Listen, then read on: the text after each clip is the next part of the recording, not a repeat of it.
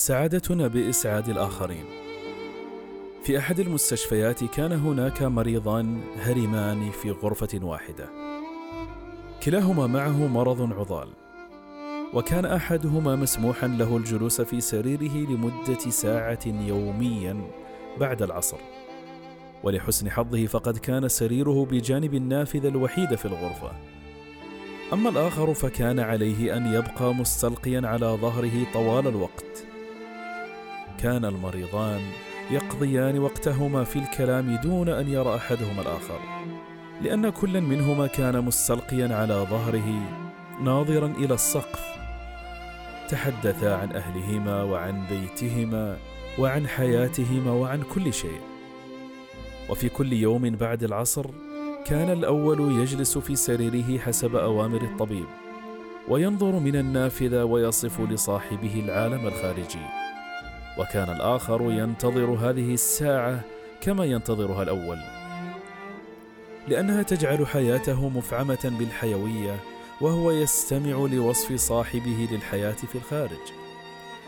ففي الحديقة كانت بحيرة كبيرة يسبح فيها البط والأولاد صنعوا زوارق من مواد مختلفة وأخذوا يلعبون فيها داخل الماء.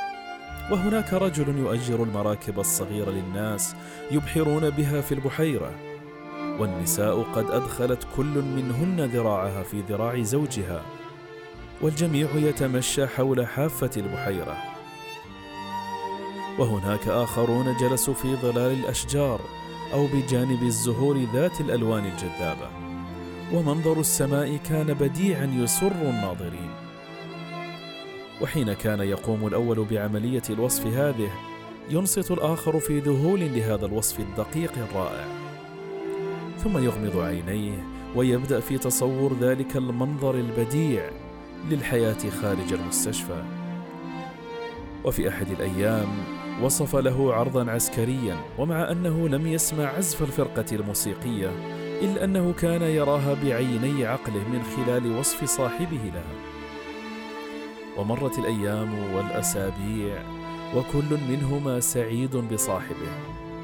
وفي أحد الأيام جاءت الممرضة صباحا لخدمتهما كعادتها فوجدت المريض الذي بجانب النافذة قد قضي نحبه خلال الليل. ولم يعلم الآخر بوفاته إلا من خلال حديث الممرضة عبر الهاتف وهي تطلب المساعدة لإخراجه من الغرفة.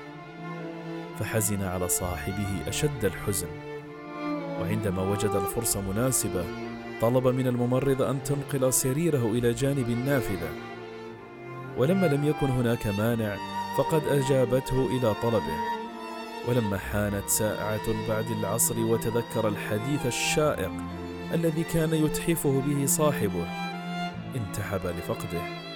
ولكنه قرر أن يحاول الجلوس ليعوض ما فاته في هذه الساعة.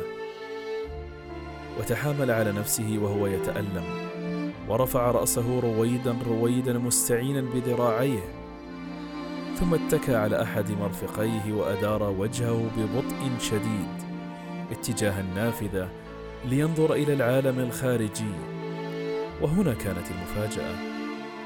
لم ير أمامه إلا جدارا أصم من جدران المستشفى. فقد كانت النافذة على ساحة داخلية.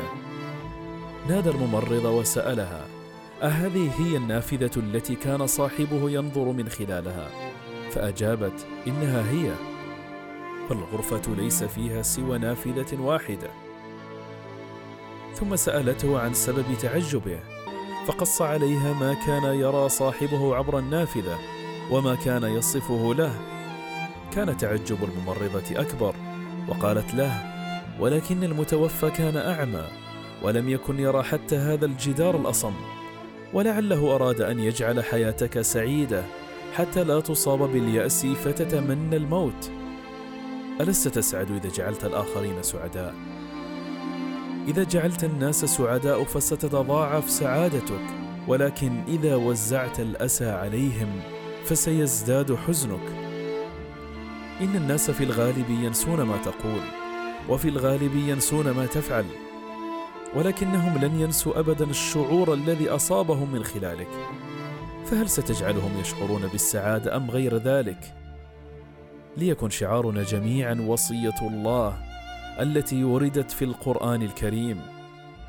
وقولوا للناس حسنا.